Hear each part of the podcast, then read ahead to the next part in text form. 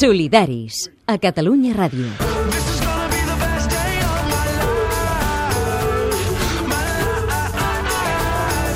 No fem diferències. Mirem cap al futur, però abans deixeu-nos resoldre una crisi oberta fa un mes, un mes i mig, que s'ha gestionat molt discretament i no volíem marxar de vacances sense, si més no, saber com ha acabat.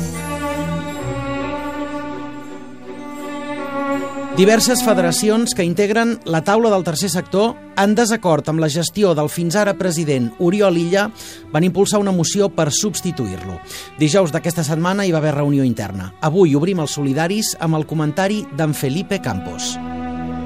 Ningú ha guanyat. Aquest podria ser el títol d'un capítol que es tanca després d'un mes difícil i complexa d'una ferida que es va obrir en el si de la taula del tercer sector social de Catalunya. Ella celebrava una assemblea extraordinària que va durar més de 6 hores, on les 35 federacions que formen part van arribar a un acord. Un acord, podríem dir, d'una solució salomònica per superar aquesta divisió.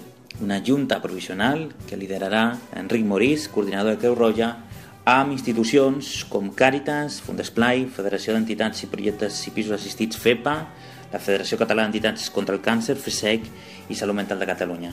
Una junta provisional que haurà de convocar eleccions eh, el més aviat possible, a tardor. Han estat dies complexos, difícils. No ens agrada un tercer sector dividit i sobretot perquè no deixa veure la gran feina que s'està desenvolupant des de la base. Una institució que es baralla és una institució que no representa i per tant que no està a l'alçada del moment amb els grans reptes que hem d'afrontar per defensar drets socials i la feina de milers i milers d'entitats que formen part a través de federacions i que formen part també de la Junta. És per això que agraïm des de les institucions de base i des de les entitats que en formen part aquest gest de generositat per part de la Junta sortint i sobretot agraïm també a la mateixa Junta i al president Oriol Illa la feina feta, que estic convençut que ha estat una feina des de la seriositat, el rigor, per posicionar a tants col·lectius, tantes iniciatives que són presents al nostre país. Per tant, energia, força i determinació per tenir un, una entitat forta, unida i que defensi els drets dels col·lectius més vulnerables del nostre país.